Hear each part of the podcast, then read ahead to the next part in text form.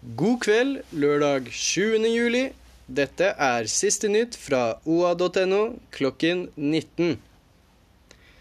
Det er bare én utendørs badeplass for rullestolbrukere i hele distriktet.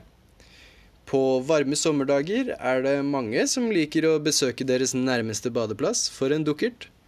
Men eh, det er ikke så lett hvis man er rullestolbruker eller funksjonshemmet i Vest-Oppland.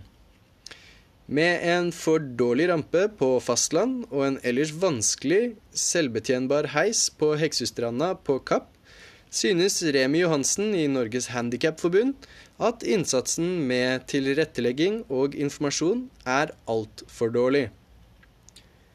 Det ble en eh, vanskelig ettermiddag for herrelaget til Valdres fotballklubb, som tok inn hele elleve mål mot sine null mot Vard Haugesund. Dette ble knallbrutalt, rett og slett. Jeg har jo ikke kropp til dette, sa en sliten Baya i mål for Valdres etter sin første kamp på fire år.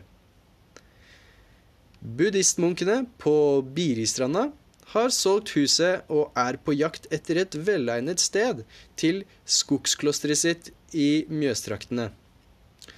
15. august må de ut av huset hvor de har holdt til siden i fjor sommer, og de kan godt tenke seg å komme til Gjøvik. For øyeblikket har de blitt tilbudt en campingvogn på Raufoss.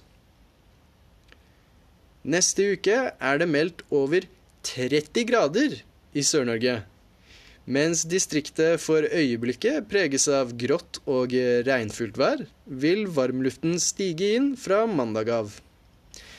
Enkelte steder vil gradestokken vise helt opp til 35 grader.